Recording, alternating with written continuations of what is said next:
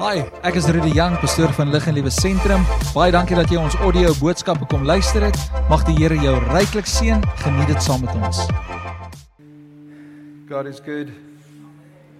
And all the time. Amen. Is u werklik honger en dors vir sy teenwoordigheid? Ehm um, Ek dink ons kan so maklik by 'n plek kom waar ons God se teenwoordigheid wil vat en ons wil dit ons eie tot ons eie voordeel maak.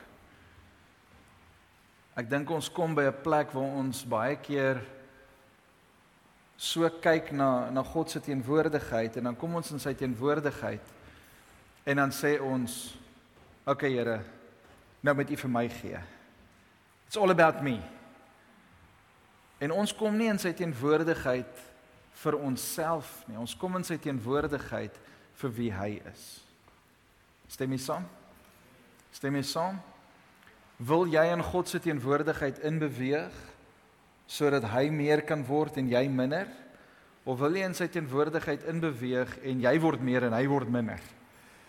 Want dan kan ek jou garandeer gaan jy nie in sy teenwoordigheid instap nie because it's only in his presence that everything changes. Wie van julle het verandering nodig in jou lewe? Wie het uh op een of ander area in jou lewe verandering nodig? Kan ek gou die hande sien? Ek okay, sê so baie van ons het verandering nodig. Baie van ons wil sien dat die Here iets nuuts doen in ons lewe. Ons wil ervaar dat die Here iets nuuts in ons lewe inbou. Ons wil ervaar dat die Here ons help om van een plek na 'n volgende plek toe te gaan. Maar dan is daar een ding wat ek en jy moet doen. Ons moet hom toelaat om te beweeg in ons lewe. Dis net so goed ek vra vir jou om my om my um om my te help of ek kom na jou toe en ek sê vir jou hoorie sou wil jy nie vir my help om hierdie um hierdie kos te voor te berei nie. Help my om om die terwyl jy die steaks braai, dan dan gaan ek die aartappelslaai maak en ek gaan die braaibroodjies so lank voorberei, maar sorg jy dat die dat die steak so lank lekker daar op die kole is.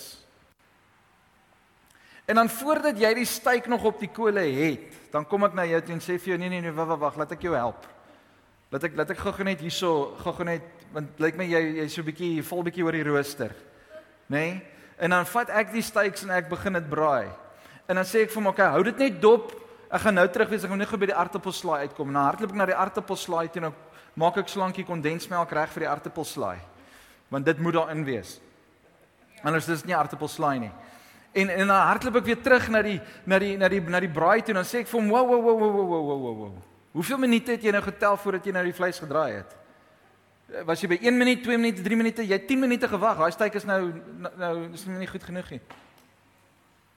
Dis nie meer goed genoeg nie. Daai steak is over well done. Dit moet net reg wees. 3 minute aan 'n kant klaar eet. Aartappelslaai is reg. Nou begin ek vir die braaier wat ek gevra het om te help met die braai, begin ek vir hom verduidelik hoe hy moet braai en wat hy moet doen en hoe hy dit moet doen en wanneer hy dit moet doen. Op die einde van die dag, wat gaan die braaier doen? Hy gaan terug staan en hy gaan kyk hoe jy verder rond hardloop en te kere gaan en dit is presies wat ek en jy met die Here maak. Ons kom na die Here toe, ons kom in sy teenwoordigheid, ons beweeg in sy teenwoordigheid in ons ons ons kom met ons hele hart, met ons hele wese en ons kom met 'n 'n verlange dat die Here iets nuuts in ons lewe gaan moet doen en dan wil ons beheer vat oor alles. Ek wil vanmôre vir jou sê voordat ek by my preek uitkom, hou op beheer vat oor God se teenwoordigheid. Make room for the Holy Spirit to move. Make room for the Holy Spirit in your life. Ek weet nie hoekom ek dit vanoggend sê nie, maar okay. Die van julle wat 'n oor het om te hoor, laat hom hoor. Amen. So sê gefree een langs jou, ek sou bly jy kan hoor. Okay, ons gaan aan met ons reeks. Maak vandag klaar met hom. Um Chasing Thunder, die van julle wat die vorige twee gemis het, julle kan op YouTube dit gaan gaan opvang. Maar Chasing Thunder gaan oor om die stem van God te hoor en en Leanne het verlede week gepraat oor knowing the voice of God om die stem van God te hoor, maar nie net te hoor nie, maar om te ken en dan te reageer op daardie stem wat jy dan hoor, om te reageer op God se stem. Nou ek wil vanmôre 'n bietjie praat oor die klankgolwe van God se stem. Die klankgolwe. Nou soos wat ons hierso sit, is daar 'n klomp klankgolwe wat rondhardloop. Die die die hardste klankgolf wat jy nou seker hoor is my my stem. My stem se klankgolwe hardloop deur hierdie hele gebou en die klankgolwe um, bounce teen die mure en dan word my stem nog meer versprei. So die klankgolwe kan aanhou beweeg. Maar terwyl ek en jy hier sit, is hier ander klankgolwe wat hier verby beweeg wat ek en jy nie kan hoor nie want ons is nie ingestel op daardie frekwensie nie. Ons is nie ingestel om dit te hoor nie. Maar wanneer ek 'n radiospeler hier gaan neersit en ek sit hom aan en ek begin deur die frekwensies hardloop, dan begin ons stemme optel wat ons dan kan hoor. En die probleem met ons het van vandag is dat ek en jy is nie op dieselfde golflengte as wat God is nie. Dis nie God wat na jou golflengte toe moet kom nie, dis ons wat na hom toe moet gaan. Amen. God het klaar alles vir ons gegee. Hy het sy seun gestuur. Hy het alles voorberei sodat ek en jy toegang tot die Vader kan hê. En daarom is dit ons verantwoordelikheid om ingestel te wees met die klankgolwe van sy stem. Amen. Ons moet ingestel wees op God. Nou ek wil hê julle met julle Bybels oopmaak in Lukas 10. En ons gaan 'n bietjie daarso ehm um, saam saam lees.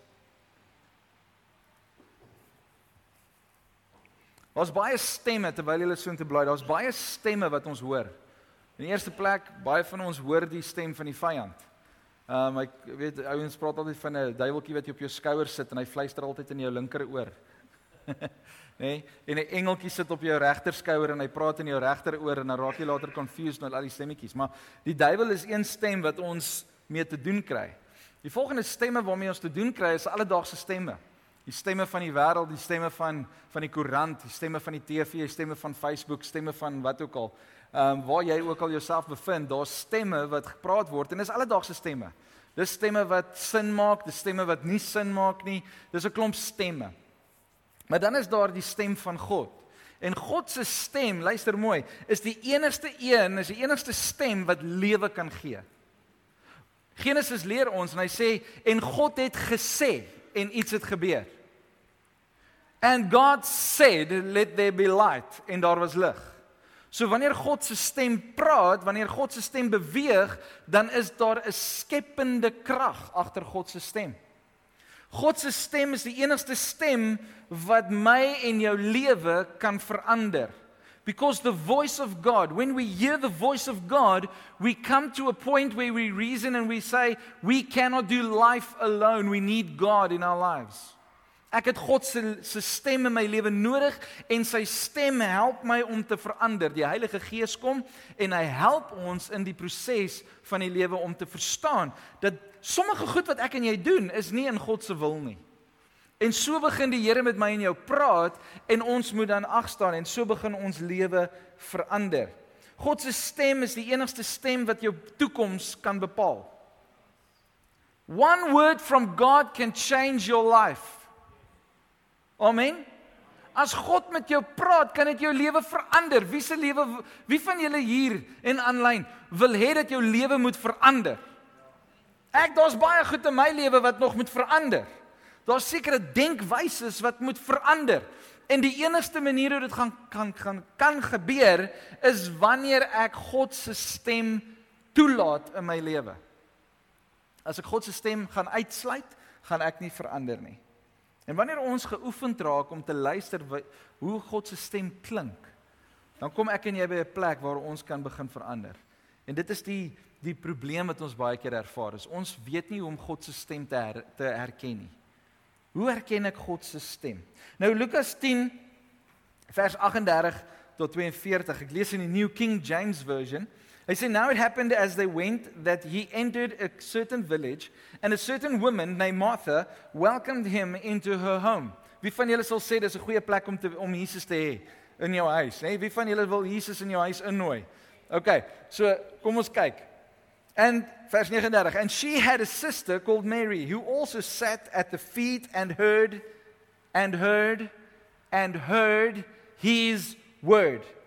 Vers 40, but Martha, sê but Martha. Okay, julle moet saam praat vanoggend, hè? But Martha was distracted. She was distracted with so much serving. And she approached him and said, Lord, do you not care that my sister has left me to serve alone? Therefore, tell her to help me. Ek meen, daarso kan ek al klaar rooi ligte sien in hierdie sustersverhouding die dat die vrymoedigheid dat sy nie eens na haar eie suster toe kan gaan en sê, "Hoor, so terwyl Jesus gou gepraat, kom help my gou vinnig met hierdie aartappelslaai asseblief." Ek weet nie hoeveel kondensmelk moet inkom nie. OK? Sy moes daai verhouding kon gehad het met haar suster. Maar anyways, sy gaan na Jesus toe en sê vir Jesus, Jesus, sê U vir haar, sy moet my kom help. Hoeveel keer kom mense nie na ons toe en sê, weet jy, het jy daai ou gesien? Ek dink jy moet met hom gaan praat. Hy het nou weer hierdie ding en hierdie ding gedoen. Gaan praat jy met hom. Nee nee nee, jy het dit gesien, jy het dit gehoor, gaan praat jy met hom. As ek na hom toe gaan, is dit 'n kinderstorie. As jy na hom toe gaan, is dit hulp. Hulp klink vir my beter as kinder, nê? Nee. And Jesus answered and said to her, Martha, Martha. Soms moet Jesus ons naam twee keer twee keer noem. Rudy, Rudy. Ek ek kan amper daai daai sugting hoor in Jesus se stem. Martha, Martha. You are worried and troubled about many things. But one thing is needed. And Mary has chosen that good part which will not be taken away from her. Voor ek verder gaan wil ek gou 'n paar goeters uit hierdie gedeelte uithaal wat wat die Here nou vir my wys. In die eerste plek om God se stem te hoor, moet ek en jy bewus wees van waar is Jesus. In die eerste plek moet ons bewus wees van waar is Jesus. Jesus was in die sitkamer, nie in die kombuis nie. Die beste plek om te wees is by Jesus. Ons sien dit later sê Jesus vir Martha, luister hierso, Maria het die beste gekies om by my voete te sit. Jy het iets anders gekies. Daarom het hy het Maria het Martha die vrymoedigheid gehad om na Jesus toe te gaan. Daar was daarom 'n verhouding gewees dat sy nie nou heeltyd in die kombuis gestaan het en gedink het en haarself opgewerk het en as almal nou weg is, het sy ontplof wanneer sy en Maria alleen is nie. Sy het darm die vrymoedigheid gehad om na Jesus toe te gaan. So dit sê vir my daar was darm 'n bietjie verhouding. Maar die beste plek vir my en vir jou om God se stem te hoor is by sy voete. Is in sy teenwoordigheid. Nou Martha het nie iets slegs gedoen nie. Sy het kos voorberei. Sy was 'n goeie gasvrou. Sy was 'n goeie gasvrou. Sy het die dinge van die Here gedoen. Maar die probleem is ons ons hak so vas aan die dinge van die Here dat ons die Here van die dinge vergeet. Dat ons die Here wat met ons wil praat mis. En dis hoekom dit belangrik is wanneer ek en jy optree as diensknegte, wanneer jy deel is van die dream team hierso, is die serving is belangrik, maar om by Jesus se voete te sit is meer belangrik. En daarom kan ek nie wag vir die dag wanneer die Heilige Gees so in hierdie plek inkom dat ons multimedia persoon op die vloer val en niemand die woorde kan hoor nie, ag kan sien nie. Want dan gaan jy nie meer vasgenaal wees aan woorde nie, jy gaan begin soek. Jy gaan begin soek waar's Jesus se voete. Ek kan nie wag dat die kameraman, dis miskien 'n bietjie hoog Merlin, maar dat die kameraman daar onder die krag van die Heilige Gees val en dat die kamera net wide angle moet wees en dat ons dream team wat diensbaar is, wat die hart van 'n dienskneg het, ook in die teenwoordigheid van die Here kan ingaan en alles oorgee. Nou, hulle weet hulle mag. Hulle weet hulle kan. Hulle kan as hulle voel, "Jesus, ek kan nou nie meer nie. Ek kan nou nie meer hierso serve nie. Ek moet nou net op my knieë gaan." Hulle mag dit doen. Hoekom? Want by die voete van Jesus is dit belangriker as by die serving. Nou is jy stil. Wat is beter? Dat almal in die teenwoordigheid van die Here inbeweeg of net sommiges? God wil hê dat ons almal in sy teenwoordigheid moet inbeweeg. Hierdie laaste stukkie vers 42, but one thing is needed. One thing is needed. God sê vir my en vir jou, daar's iets wat ek en jy nodig het. As ek vandag vir jou nodig vir jou sê jy het 'n flits nodig in hierdie tyd. Dan gaan almal saam met my stem want dit is nie lekker as dit load shedding is en is donker in jou huis nie. Dan gaan almal vir my sê ja, ons moet kersse, flitsse, um energy, um emergency bulbs en ek weet nie wat al nog hê nie, ons moet sommer generators ook hê, maar ons almal weet ons het lig nodig. Dis nie dis nie vir my iets om te vir jou te verduidelik nie. Ons almal weet dit. Ons het lig nodig wanneer dit donker is. En Jesus kom en hy sê, "But one thing is needed." En ek wil hê jy moet jou ore oopmaak, jou hart oopmaak vir môre en luister wat sê die Heilige Gees vandag vir jou. Hy sê, "You need my voice." You need to hear my voice. One thing in life is needed. Sê nodig nodig. Sê vir die persoon langs jou, hierso is nodig. Hierso is iets wat jy nodig het. Sê gou vir die persoon langs jou, hier's iets wat jy nodig het. Hier is iets wat jy nodig het. Julle mag maar praat met mekaar, hoor.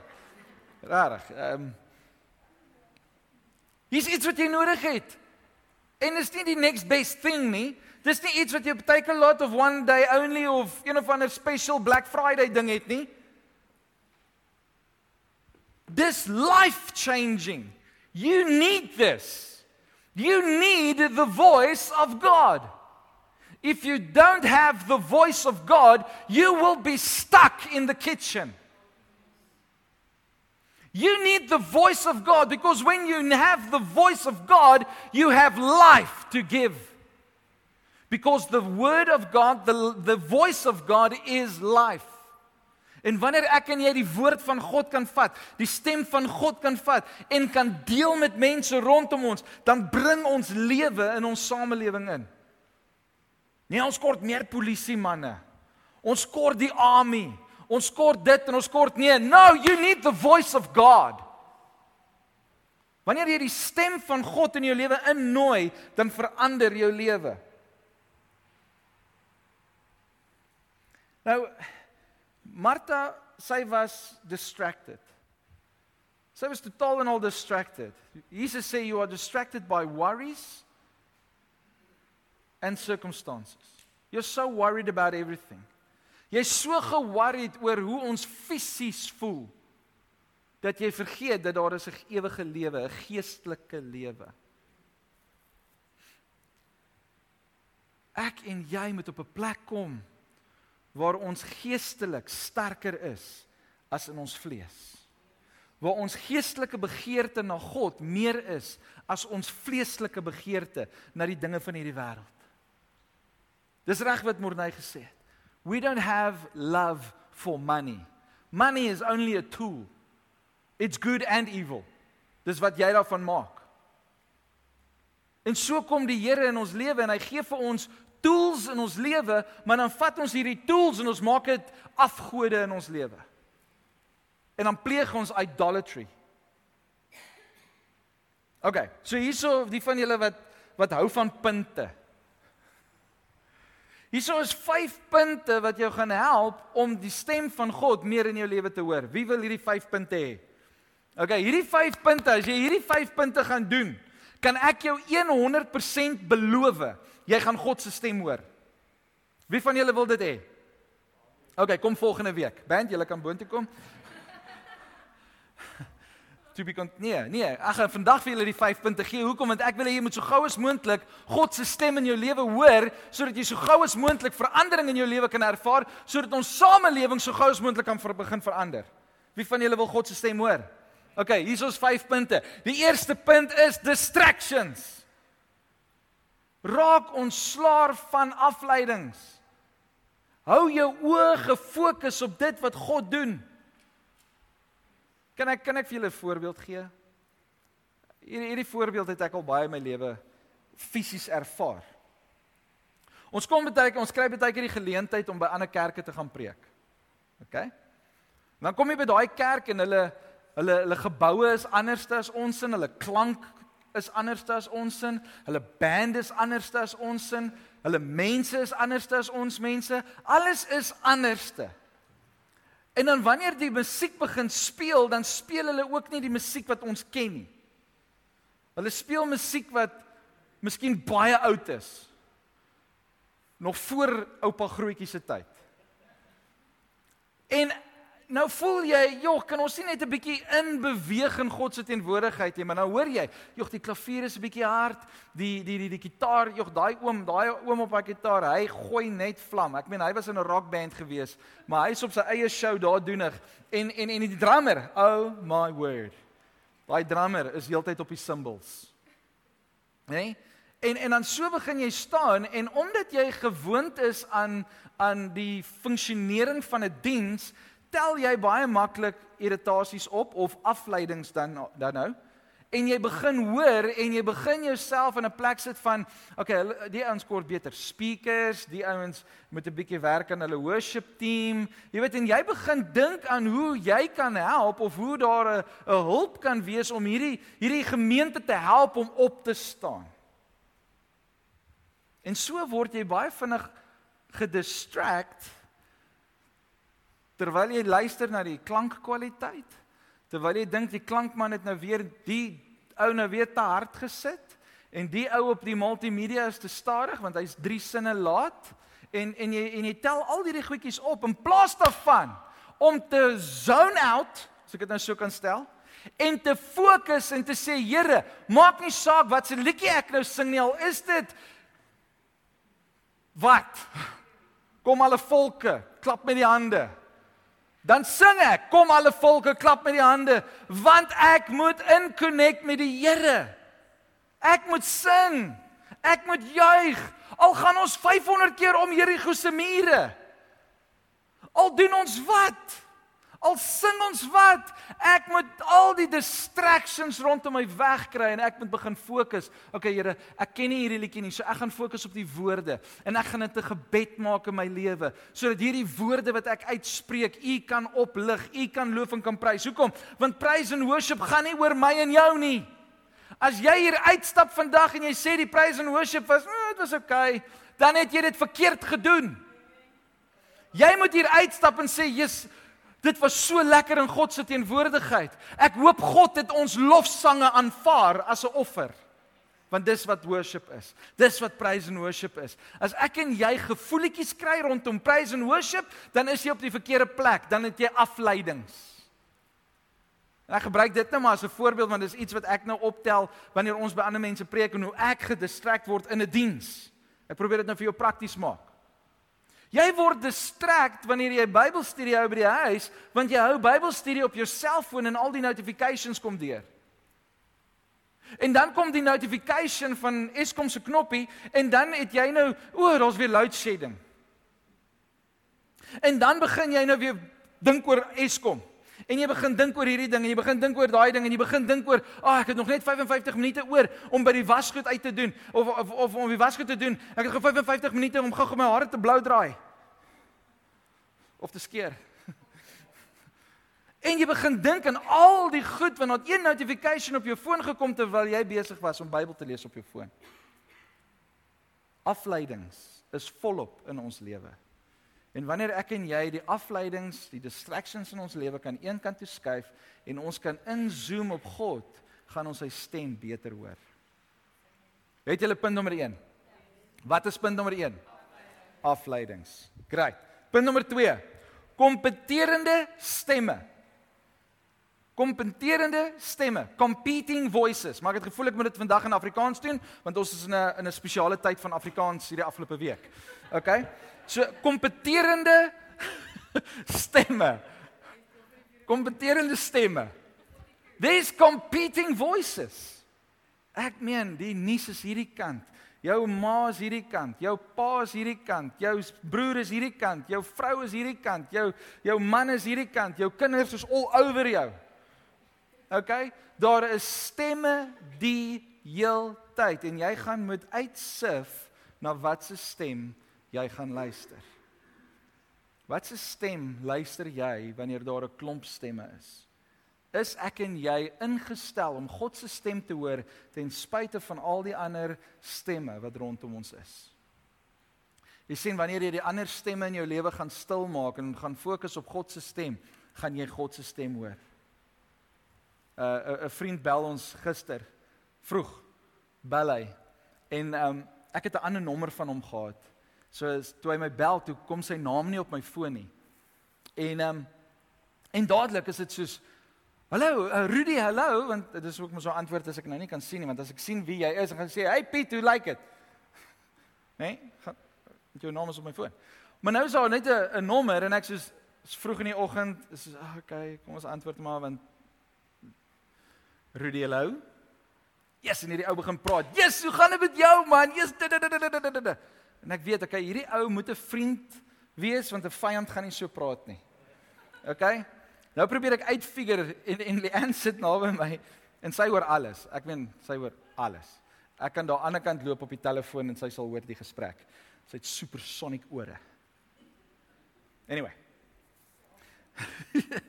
so nou sit ek met die foon en ek praat en en sy sê dis hy en sy sê nou die vriend se naam. Ek sê ek kom agter want hoe meer hy begin praat, hoe begin ek optel sy stemtoon want ek uit 'n unieke stem. En ek tel sy stem op en ek weet wie dit is. En ek kan dadelik reageer op sy naam. Jy sien wanneer jy tyd gaan spandeer met God, gaan jy sy stem hoor bo die geraas van ander stemme. Wat's punt nommer 2? Kompeterende stemme. Vir die van julle wat okay is met Engels, competing voices.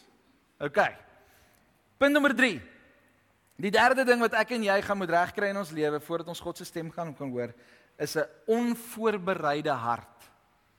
Jou hart moet voorbereid wees. Wanneer jou hart gevul is met vrees en angs, sal God se stem verstrik word, verstik word en jy gaan God se stem nie hoor nie want die vrees en die angs is harder as God se stem. Wie van julle het dit al ervaar? Nê? Nee? Jy kom by 'n plek en dan dan besef jy iewes skielik okay, kom ek gebruik nou my finansies want almal het almal het finansies, nê? Nee? Nou kom jy op 'n plek en jy en jy besef, "Shucks, ek het nog net R12 in my rekening oor en ek moet nog petrol ingooi." Vrees en angs kom dan. Nê? Nee? En dan vergeet jy baie maklik as gevolg van die vrees en die angs dat God het al vir jou gesê, moenie bekommerd wees nie, ek sal vir jou voorsien. Ek sal vir jou voorsien ek sal vir jou voorsien. Maar omdat die vrees en die angs so groot is, gee ek myself oor aan die stem wat sê dat ek gaan val. Ek gaan down in the dumps wees, ek gaan nooit weer kan ry nie. Die lewe is nie die moeite werd nie. Um jy weet alles is nou te veel want ek het nie petrol nie. Julle ken mos daai slope, né? Nee? Dis soos 'n snowball effek. Iemand trap net op jou toon, dan is die regering foutief, almal is foutief, die skole is foutief, die die grond waarop jy loop is is negatief en alles is net nie lekker nie. Dis nie die moeite werd om te leef nie. En dan sit jy met stemme wat sê neem jou eie lewe want vrees en angs het jou oorval. Jesus sê vir Martha, you worry about many things. But Mary chose the better part. Jy sien wanneer ek en jy in 'n area van angs en vrees kom, dan moet ons harte al voorbereid wees op dit wat die Here vir ons instoor het. So nou gee die Here vir jou 'n belofte, I will never leave you and I will never forsake you. Dan kom jy en jy stap en dan voel jy alleen. En dan sê jy, oh, die Here het my gelos. Nee nee nee nee nee nee. Die Here het jou nooit gelos nie.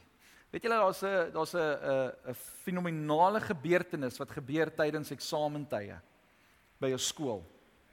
Ek weet nie of julle dit beleef het toe julle op skool was nie, uh, maar ek het dit al so hier en daar gesien, maar dit is 'n fenominale gebeurtenis. En terwyl 'n eksamen plaasvind, is daar stilte. Dit is fenomenaal. Ek meen niemand praat in die eksamenlokaal nie.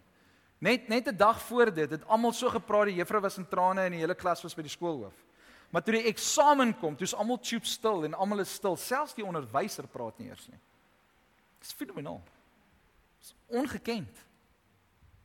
Dis ongekend. Maar wanneer die toets daar is, is die onderwyser nie buitekant die klas nie. Hoekom? Want hy hou toesig. Hy kyk wat jy wat jy doen. Hy kyk dat jy nie krip notes onder jou das het. of op jou sool het. Of in die binnekant van jou horlosie strap. Ek wil nou nie al my tips uitgee nie, maar ehm um, Ek het nooit gekrip op skool nie. Ek ek moet dit ek moet dit sê. Ek het nooit gekrip nie. Ek was een van daai voorbeeldige kinders. Ehm um, ek het ek het penne gehad wat die al wat die maaltafel gehad het. So dis nie krip nie, dis my pen. Okay, so as as ek gesukkel het met maalsomme dat ek net die pen het gedraai en as dit 5 maal 5 is 25, kry. My pen het dit gesê, nie ek nie. Ek vind dis my pen. Ehm um, maar okay, ek het hom nie gebruik in eksamens nie. Hulle moet nou nie storie verdraai nie. Okay, kom ons kom terug by die punt. Die punt is God se stem, nê?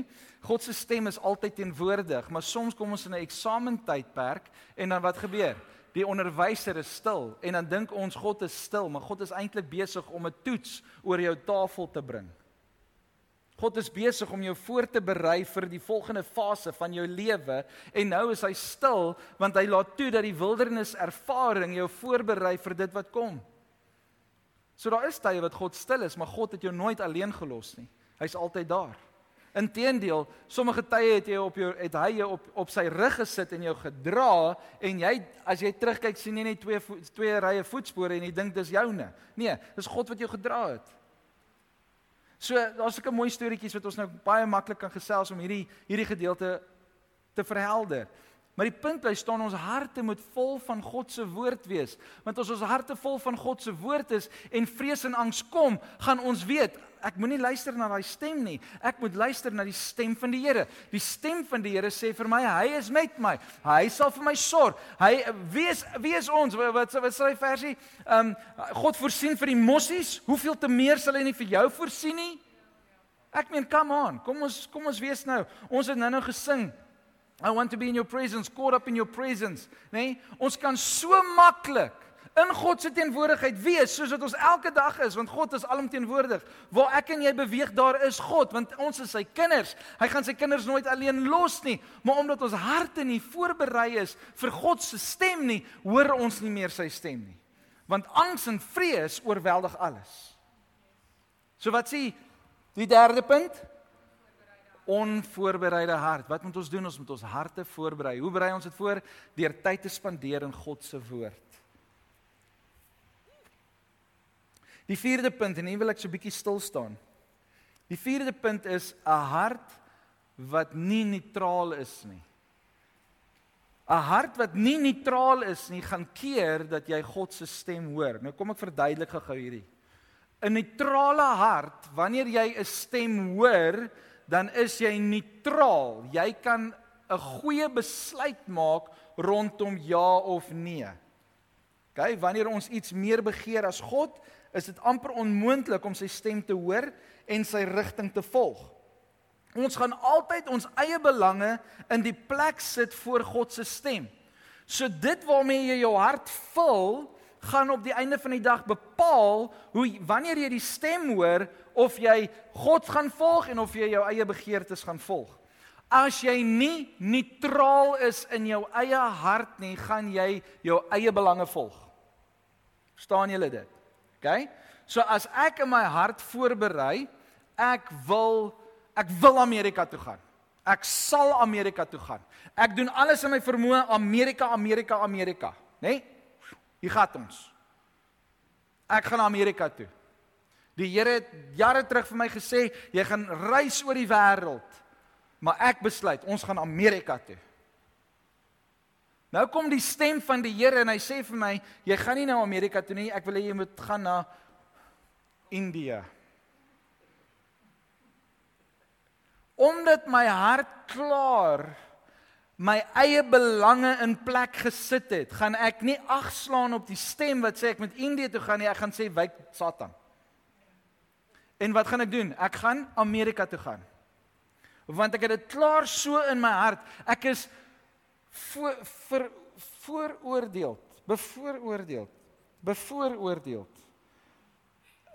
In baie opsigte is mense net bevoeterd. Jy doen net jou eie ding, nê? Nee. So ek het klaar my mind opgemaak, ek gaan na Amerika toe. Nou sê die Here vir jou in 'n duidelike stem, jy gaan Indië toe, omdat my hart klaar voorberei is, om my hart klaar my eie begeertes vasgemaak het, is ek nie neutraal om 'n goeie besluit te maak nie en kan ek nie 'n ingeligte besluit maak of kan ek nie God se stem herken deur te sê, "O, okay Here, ek is jammer. Ek het gedog ek moet Amerika toe. Ek is jammer. Ek gaan Indië toe en nou begin ek beplan vir Indië." OK. So God sal soms jou oorgee aan jou eie begeertes. Jy wil Amerika toe gaan. Nou sê die Here, Rudy gaan Indië toe. Ek sê Here, ek hoor jou. Ek gaan Amerika toe. Nou gaan ek Amerika toe. En die Here los, hy's by my, my laat my gaan. Hy sal laat ek gaan. Want hoor gou hierdie volgende gedeelte in Jesegiel 14. Hy sê then some of the leaders of Israel visited me and while they were sitting with me the this message came to me from the Lord. So waar kom hierdie boodskap vandaan? Hierdie boodskap kom van God af. Hy sê son of man, these leaders have set up idols. My vooropgestelde idee om Amerika toe gaan het 'n idol geword in my lewe, want dis alwaaroor ek praat, dis alwaaroor dit gaan. Dis ek wil Amerika toe. Nou sê God, hy sê son of man, these leaders have set up idols in their hearts. They have embraced things that will make them fall into sin. So God weet ek moenie Amerika toe gaan nie, want Amerika gaan 'n lokval wees vir my. Daar gaan ek moeilikheid optel. Maar as ek Indië toe gaan, gaan God saam met my en ek gaan prosperous wees en ek gaan doen wat die Here wil hê ek moet doen en sy guns en sy goedheid sal saam met my wees. So hierdie hierdie God sê dan hierdie ouens is klaar in hulle harte vooropgestel. Hulle gaan hulle gaan dit doen. Hulle het klaar daai idols ingesit. They have embraced things that will make them fall into sin. Why? Luister wat sê God. Why should I listen to their requests? Hoekom moet ek na jou luister? Jy het klaar hierdie afgode in jou hart opgestel. Jy het klaar besluit dis wat jy wil doen. Hoekom moet ek luister na jou? Vers 4. Tell them this is what the sovereign Lord says. To people of Israel have the people of Israel have set up idols in their hearts and fallen into sin. And then they go to a prophet asking for a message. So I, the Lord, will give them the kind of answer their great idolatry deserves. So nou kom ek, die Here sê vir my, Rudy, gaan Indië toe. Nou sê ek vir die Here, Here, ek hoor Amerika. En dan gaan die Here vir my sê, "Oké, okay, gaan Amerika toe." Is God in 'n twee stryd van wie hy is en wat hy wil doen? Nee. Hy het net gesien dat my hart is klaar ingerig dat ek gaan dit doen no matter what. Ek het klaar die idol in my hart vasgemaak. So nou kan ek God se stem nie duidelik hoor nie en daarom beweeg ek in die rigting wat ek wil gaan. So nou sê God, I will give them the kind of answer their great idolatry deserves. 'n Voorbeeld hiervan is Balaam. Julle het al gehoor van die profeet Balaam. Balaam was daar een kant en hier kom hierdie koning na hom toe en hy sê vir hom: "Ek sal vir jou al hierdie rykdom en geld gee." gaan sit 'n vloek op Israel. En Balaam is soos Oké, okay, dit klink na 'n goeie deal. En hy gaan hoor by die Here en die Here sê vir hom nee. En hy sê "Oké, okay, gaan terug na die ouens toe en sê nee, die Here sê nee." En hulle sê toe vir hom, "Ons sal vir jou baie meer geld gee." En hy gaan toe terug na die Here toe en hy, en hy vra vir die Here, "Here, kan ek maar gaan?" En die Here sê, "Ja." Wag, wag. Here het nou net vir hom gesê nee. Nou gaan hy terug en hy vra en hy sê vir die mense wat hom nog net gestuur het, okay, die Here sê nee en hulle sê maar okay, ons sal vir jou meer geld gee. In die proses het hy begin kyk na die geld wat hy kan kry. Het hy sy hart vol afgode gemaak en die afgod van geld in sy hart ingesit. En toe by die Here kom en hy kom vra vir die Here, Here, maar maar hoe nou ek, ek dis wat wat ek wil doen. Toe sê die Here, "Oké, okay, gaan. Hoekom? Because I will give the answer that your idolatry deserves. That your idolatry wants." En hy sê, "Oké, okay, gaan maar." Wat gebeur? Balaam is soos, "Woehoe! Hier gaan ons nou geld maak. Hoe maklik is dit om 'n vloek te spreek?" En hy gaan en op pad soontoe staan 'n engel voor hom. En die donkie gaan een kant toe waarop hy ry. En hy donkie gaan om die engel. Later bietjie verder kom die engel en hy staan weer voor hom. En die donkie gaan maar net weer hierdie kant toe, maar lou raak die spasie bietjie kleiner en op 'n plek ek as ek my reg reg herinner, kom hy op 'n plek waar hy so moes deur 'n 'n skeur gaan, want die donkie wil nou hier deur gaan want hy kan nie hier nie want hier's 'n engel en hy stamp vir ehm um, vir Balaam en Balaam begin hom voeter. Hy begin hierdie donkie slat. En die donkie begin met hom praat en hy sê: "Jy maak oop jou oë." Het julle gesien daai hoef, nê? Nee? Dis is donkie van strek. En hy begin met hom praat en hy sê vir hom: "Jesus, Jom, jy kan my nie so voeter nie. I do not deserve this. I I do not get paid for this."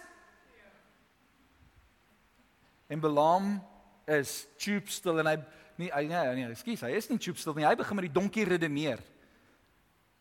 Wie van julle sal met 'n donkie redeneer?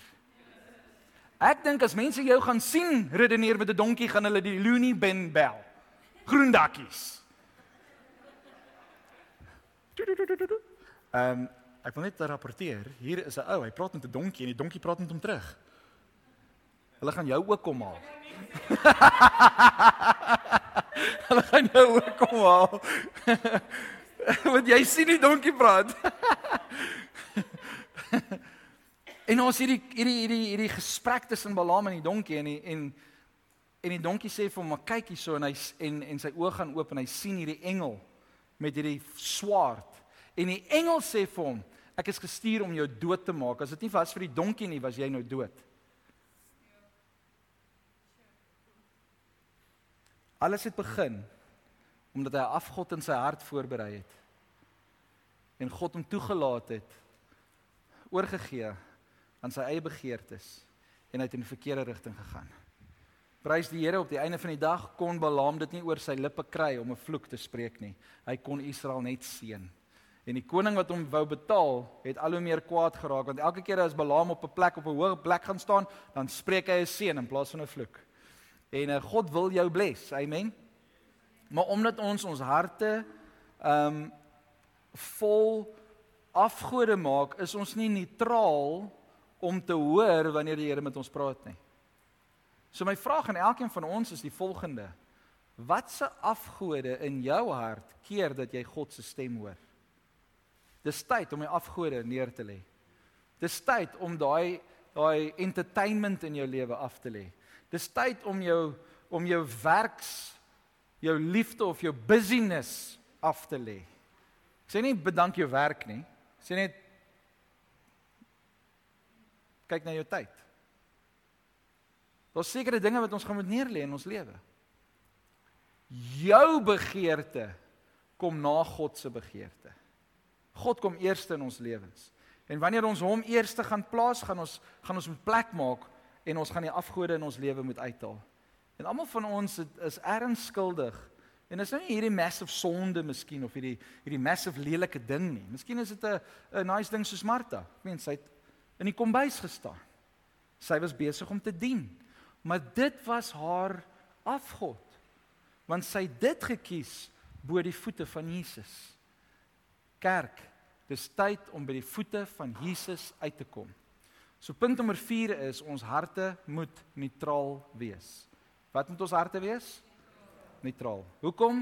Sodat ons wanneer ons God se stem hoor, dat ons kan weet, dis God se stem, hy praat nou met my. Ek gaan teen my eie begeertes want dis wat God se begeerte is. En ek stap in die rigting waar God my wil hê. Vyfde punt. En hierdie ene is miskien vandag die grootste kwelpunt in almal se lewens. Hierdie punt veroorsaak dat ek en jy nie net God se stem nie hoor nie, maar ook sy beloftes in ons lewe, sy woord in ons lewe uh stil maak.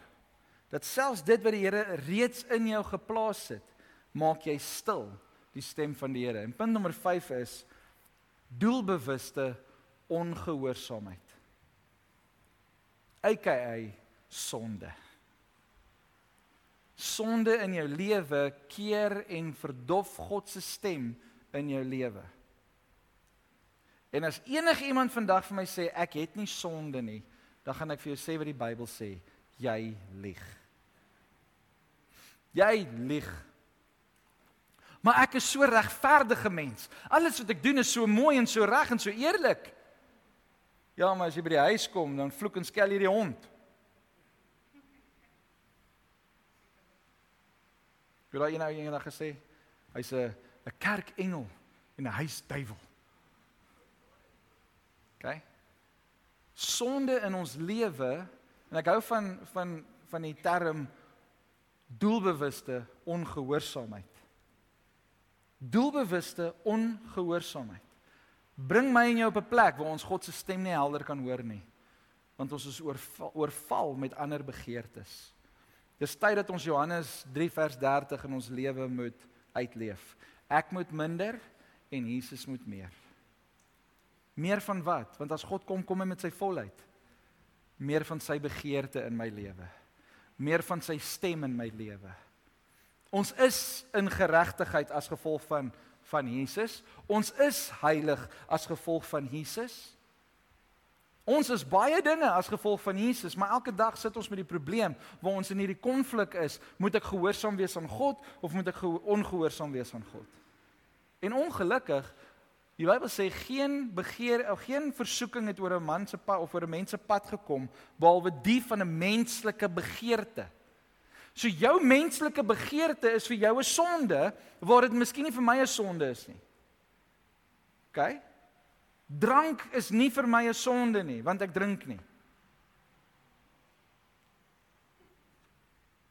Dis so maklik. Maar drank vir jou kan 'n probleem raak en dit kan sonde raak want jy drink dit. En so kan ek deur al die goeters gaan. Skinder. Ooh, ooh, ooh, wag, wag, kom ons praat oor skinder. Het julle gehoor? Het jy gehoor? Skinder kan is 'n sonde. Om divisie te bring is sonde. Om lelik te praat van iemand anders is sonde. Ja, maar pastoor, die regering verdien dit. Kyk hoe gaan hulle aan. Ja, dis hoekom hulle so aangaan want jy spreek heeltyd dood oor hulle. Die stem van God, soos ek in die begin gesê het, kan lewe bring. En ek en jy is ambassadeurs van God hier op aarde. Daarom moet ons lewe begin spreek oor almal en alles rondom ons. Dink net wat 'n verskil kan ons kan ons maak as ons net ons gemoed, ons ons ons denke rondom dit kan verander. Dink net hoe lekker sal jou baas wees om vir hom te werk of vir haar te werk. In plaas van hom elke dag by die huis te kom en vir jou man of jou vrou te sê, "Jy's my baas, nê." Nee. As ek hom kry, vat ek my baseball bat saam. In my gang. Jy weet en as jy voor jou baas kom, is dit soos, "Ja, baas." Groot bek by die huis, stil bek by die werk. ja, stil bek is 'n heel bek. Dit is tyd om sonde in ons lewe eenkant toe te skryf. En wat is sonde? Sonde in die Grieks beteken missing the mark. Dis soos 'n pyl en boog. Jy gaan nou pyl en boog skiet en jy skiet die pyl en jy skiet die bullseye mis. Dis sonde. As jy die die merk, die bullseye gemis het, dis sonde.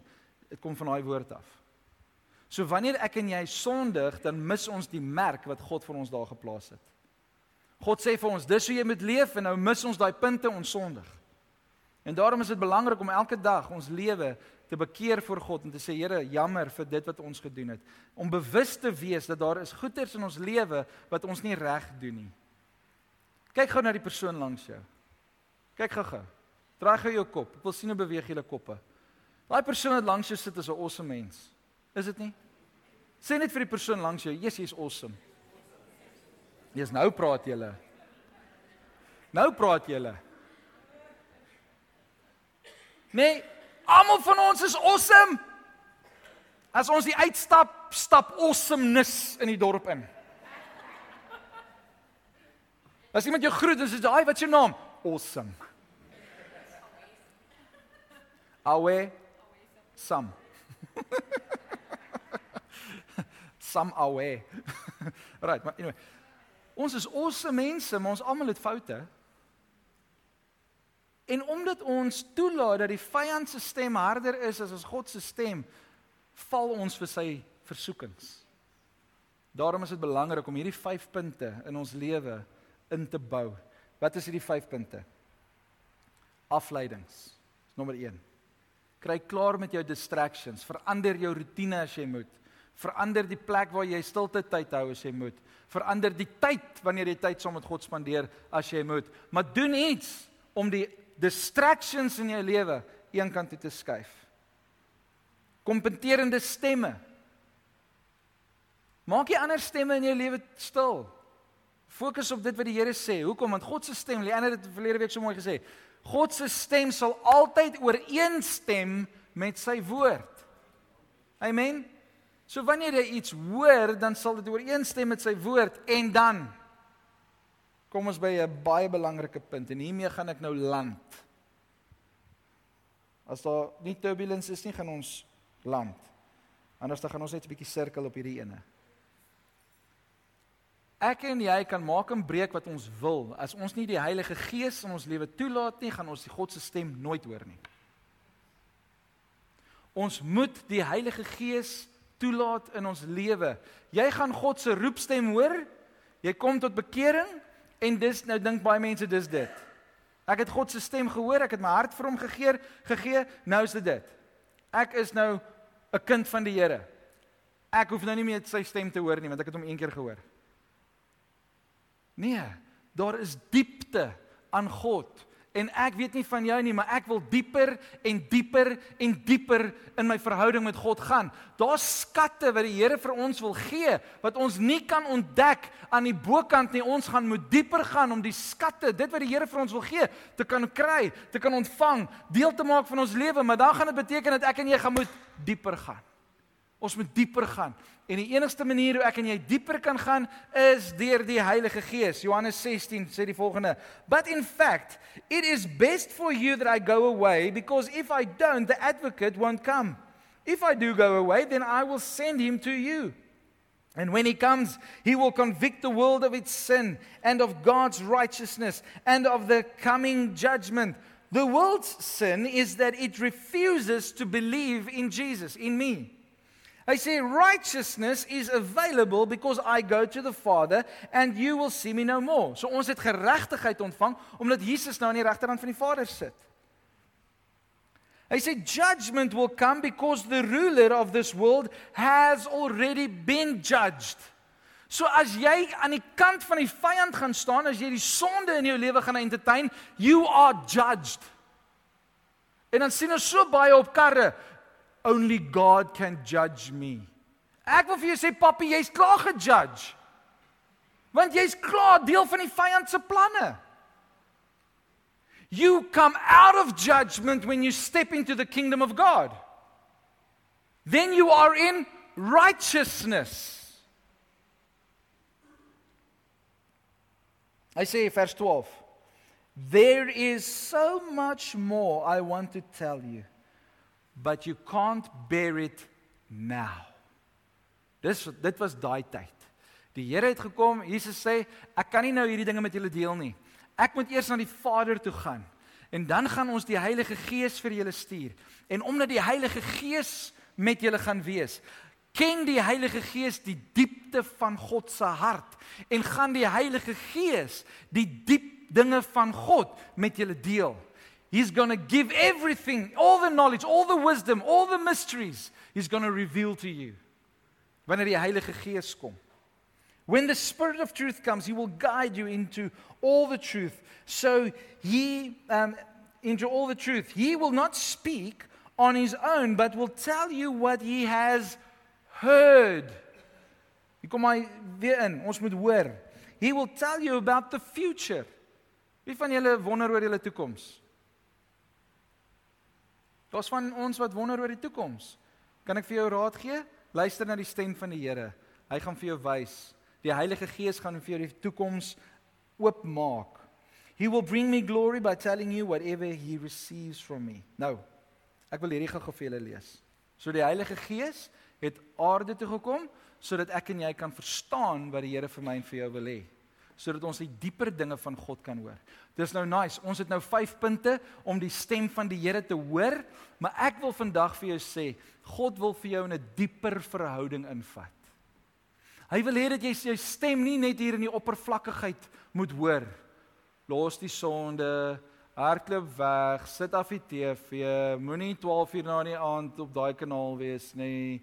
Dit al die same old same old stemme wat wat die mense wil hoor nie. Nee, God wil begin dieper dinge met jou praat. Hy wil vir jou sê wie jy is. Hy wil jou identiteit begin bou. Dan wil hy vir jou sê, "Maar wie is jy in Christus?" En hy wil nog 'n bietjie dieper gaan met jou. Hoekom? Want wanneer ons nog dieper en dieper in God se teenwoordigheid inbeweeg, sy stem dieper en dieper hoor, kan ek en jy nie meer die oppervlakkige sonde in ons lewe hoor nie. Maar ons laat die stem van die vyand wat oppervlakkig is, ons keer om by die diepte van God uit te kom. En dan kom ons kerk toe en dan hiet en gebied ons en maak wat soos ons wil, want ons wil net oppervlakkig wees kerk. Ons kan nie meer oppervlakkig wees nie. We need the deeper the deeper mysteries of God. Ek kan nie meer net staan en kom sing by die kerk nie. Ek kan nie net met kerk toe kom en en en kom staan en kom preek en kom sê Kom vers nommer 1. Dien God met alles wat jy het. Prys die Here, alle blye galme. Nee, we want to go deeper. Ons wil hierdie skrif lees en dan wil ons begin verstaan. Ons wil die diepte van God begin verstaan. Ek wil weet hoekom hoekom sê die Here dit en ek wil dieper in sy woord ingaan. Maar as ek myself besig hou met die oppervlakkige dinge van van sonde en die oppervlakkige stemme wat hier bo my is, gaan ek nooit by die diepte van God kan uitkom nie. Dis tyd kerk, dis tyd om dieper te gaan. Ek wou dit sag sê, maar kon nie. Hoor wat sê die Here in in 1 Korintiërs 2 vers 6 however we speak wisdom. Dis Paulus wat praat. Hy sê Paulus sê Paulus sê vir die mense, we speak wisdom among those who are mature. Wie van julle het al gebid vir wysheid? Jou wysheid gaan meer en meer raak hoe meer mature jy raak, hoe meer volwasse jy raak in die dinge van die Here. If you are going to stick with the oppervlakkige dinge, As jy net hier bo gaan bly en net kom by ja sing die heeltyd en net met die ouens meng en net met daai ouens meng en nooit dieper ingaan met gesprekke nie want jy sien daai diepe gesprekke begin in die hart vat. Daai diepe gesprekke begin begin hierso vat en dan begin ons besef maar ek kan nou nie meer aangaan soos ek aangaan nie. God het my geroep vir soveel meer. Ek kan nie net hier bly nie. I need to go up on the mountain. Moses het opgestap na die berg toe en hy het so die heerlikheid van God ervaar want hy wou hoor gaan en hy wou hoor gaan. In hierdie term wat ons vandag wou gesê het, het hy dieper en dieper in God se teenwoordigheid ingestap. Maar die volk, wanneer ons was te bang, angs en vrees het hulle oorweldig en hulle het geluister na die verkeerde stem en hulle kon nie opgaan na God se teenwoordigheid behalwe Moses en Joshua. Hoekom? Want hulle het 'n begeerte gehad na meer van God. God, ons kan hierdie volk nie lei as ons nie by U is nie. En die Here sê, "Maar ek gaan julle nou stuur want julle irriteer my. Julle luister nie meer vir my nie. Ek gaan julle pos, stap. Ek ek gaan nie saam nie." En Moses sê, "Here, asseblief, as U nie saam met ons gaan nie, weier ek om te stap. Ek sal net stap as U gaan." I will not move if you will not move. I will only move when you move. En wat het God gedoen? Hy het vir hulle 'n wolk en 'n vuurkolom gestuur. En wanneer die wolk en die vuurkolom stil staan, dan het die volk stil gestaan. As die wolk en die vuurkolom beweeg, dan het die volk beweeg. Imagine dis 3:00 in die oggend. En die vuurkolom begin beweeg. Almal alarms gaan aan, ramshoring waar ek weet nie wat hulle geblaas het nie. Hulle het definitief in Kumbaya geskree nie, maar hulle het begin skree en daar was 'n baas hoekom? Want almal moes nou hulle tente oppak. Want hierdie vuurkolom beweeg en as hulle onder die vuurkolom uitkom, is hulle tentoon blootgestel aan die koue van die woestyn. En dieselfde deur die dag. As hulle nie onder die wolk was nie, het hulle doodgebrand. God wil ons nie alleen los nie. He wants us to go deeper. Pa Paulus skryf, "However we speak wisdom among those who are mature, yet not the wisdom of this age." Die dinge wat ons al gehoor het is is nou verby. Ons het dit gehoor. Daar's nuwe, dieper dinge wat die Here vir ons wil oopmaak. Dis nie net hierdie oppervlakkige dinge wat ons hoor elke dag van ons moet nou in die tempel ingaan en ons moet nou die Here loof en prys en en ons moet nou ons sonde neerlê en ek moet minder en hy moet meer. Nee daar's dieper dinge wat die Here vir ons wil sê. Hy sê no of the rulers of this age who are coming to nothing but we speak the wisdom of God in in a mystery the hidden wisdom which God ordained before the ages for your for our glory which none of the rulers of this age knew. So wat eintlik sê is daar is diepte en daar's goeders al wat God al gespreek het van die begin van tyd af wat hy gespreek het. En toe begin hulle nou stukkie vir stukkie haal hy die mystery uit haal hy die mystery uit. Maar hoor wat sê hy so which none of the rulers I kon nie die die die die die wisdom hierdie hidden wisdom van God hoor nie which none of the rulers of this age knew. For had they known they would not have crucified the lord of glory. But as it is written eye has not seen nor ear heard nor have entered into the heart of man the things which God has prepared for those who love him. Daar's iets wat God vir my en vir jou wat hom liefhet voorberei het Hy berei vir my en vir jou goeders voor, mysteries voor. Diep dinge wat hy met jou wil praat, intieme dinge wat hy met jou wil deel. Maar omdat jou hart nie reg is nie, kan hy dit nie met jou deel nie, want as hy dit met jou deel, gaan jy dit opsmash. As hy die mysteries van Jesus Christus met die mense van daai tyd in hulle onvolwassenheid gedeel het, het hulle Jesus nooit gekruisig nie maar op die regte tyd when they come to maturity he will he will give you the wisdom that you need he will he will speak to you but god has revealed them this deeper revelation to us through his spirit for the spirit searches all things dis hoekom ons die heilige gees nodig het the spirit searches all things Hy weet presies wat aangaan. Hy weet wat in jou aangaan. Hy weet wat in God se hart is. Yes, the deep, the deep things of God. For what man knows the things of a man except the spirit of a man which is in him? Even so, no one knows the things of God except the Spirit of God. Now, we have received not the Spirit of this world Die gees van hierdie wêreld gaan jou altyd wil wil wegvat van God. Die gees van hierdie wêreld gaan altyd oppervlakkige dinge doen. Dis wanneer jy by iemand kom en jy weet nie wat om te sê nie. Jy weet nie jy het nie jy het nie daai intieme verhouding nie. Waaroor praat jy? Jy praat oor die weer. Hoe gaan dit? Jy's nee, lekker man, is lekker koel cool vandag. Of as jy nie praat oor die weer nie, ag dankie tog, load shedding is suspended. Ek weet en dan gaan ons praat ons vir 'n halfuur oor oppervlakkige Eskom. En ons praat oor oppervlakkige weer en ons praat oor oppervlakkige petrolpryse en ons praat oor oppervlakkige rentekoerse en ons praat oor oppervlakkige oppervlakkige en ons bly net hier oppervlakkig. Maar die Here wil hê ons moet dieper gaan. Come on church. Ek weet nie of jy daai begeerte het, maar ek het daai begeerte. Dis hoekom ek my rotine begin verander het. Dis hoekom ek begin meer Bybel lees het. Inteendeel, ek het nooit Dis 'n ding by my, dis my my my storie. Ek hou nie van 'n highlighter in my Bybel nie. Ek like dit niks. Hoekom? Want as ek my Bybel oopmaak, wil ek nie gevang word deur 'n highlight en dan daai versie lees nie. Ek wil my Bybel oopmaak en sê, "Oké, okay, Here, hier's nou baie versies, praat met my." Maar selfs nou het ek 'n potlood gevat. Stap jy in 'n in 'n ander rigting, nê? Ek het 'n potlood gevat. Ek het hier onderstreep, hier langs my Bybel is ingeskryf. Ek's radical. Dis herlewing by my. Vir julle ander is dit soos nou nie gou. Julle koop sommer Bybels wat julle inkleer en prentjies doen, hè? Kry daai Bybels ook nou.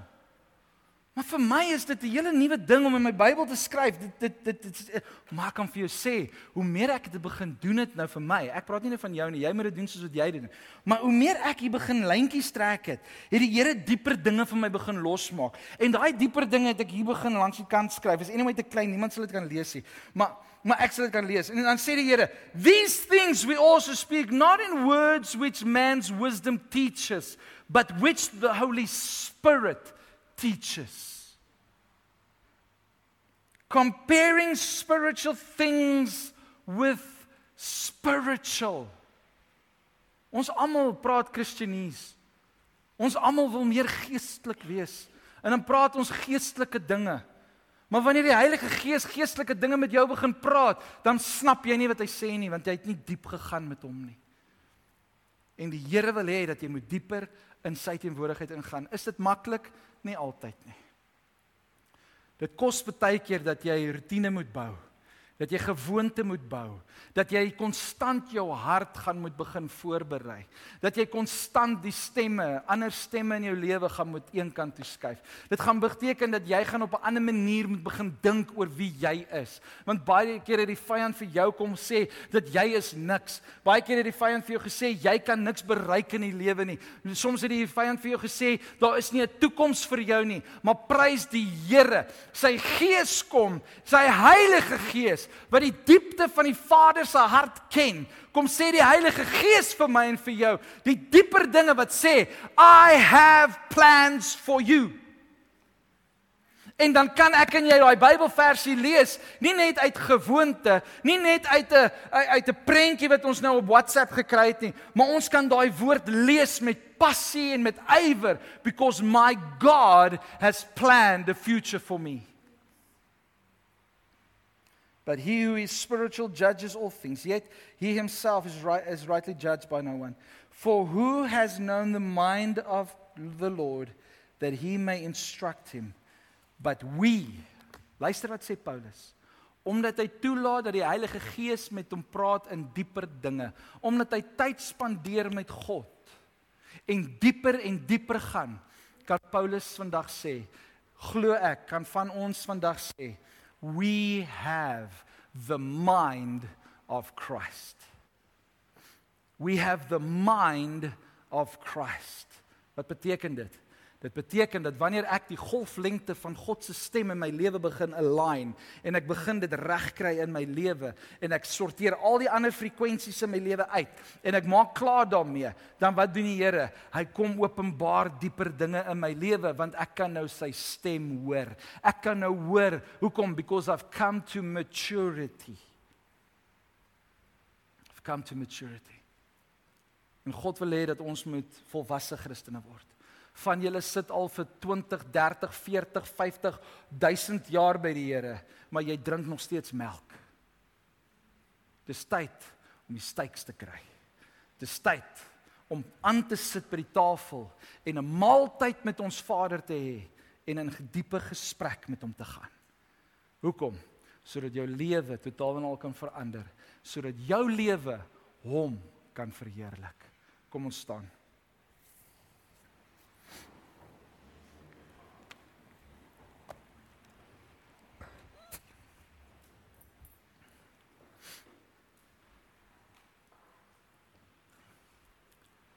Here Jesus, baie dankie vir die voorreg wat ons het om so in U teenwoordigheid te kan wees. Dankie Here dat ons vandag net totaal totaal en al kan oorgee aan U en kan sê Here, kom praat met ons. Ons wil al die distractions in ons lewe een kant toe skuif. Ons wil al die ander stemme in ons lewe wil ons een kant toe skuif. Ons wil ons harte voorberei deur u woord deel te maak van ons lewe. En Here, ons wil neutraal wees en daarom wil ons enige afgode wat in ons harte gekom het, wil ons vandag neerlê en sê Here, u aan u behoort ons harte. Aan u alleen. En Here, wat ook al ons harte vandag kom vul het, dank ek u Vader dat u dit nou kom kom kom skoon maak. Dat die plek in ons hart net sal oop wees vir u en u gees. Dankie Heilige Gees dat ons kan klaar kry met sonde. Dat ons hierdie doelbewuste ongehoorsaamheid in ons lewe kan eenkant toe skuif en doelbewus gehoorsaam te kan wees. Nou Heilige Gees, ek wil net vandag vir U dankie sê dat U ons lewe kom vul. En dat U ons dieper vat in ons verhouding met U. Dat ons die hart van die Vader sal kan ken en dat ons lewens hier op aarde so geleef sal word dat U verheerlik sal word. Seën elkeen van ons Vader. Dis my gebed in Jesus naam. Amen. Baie dankie dat jy ons audio boodskap geluister het. Mag die Here jou ryklik seën. Besoek gerus ons webwerf by www.liginlewe.com.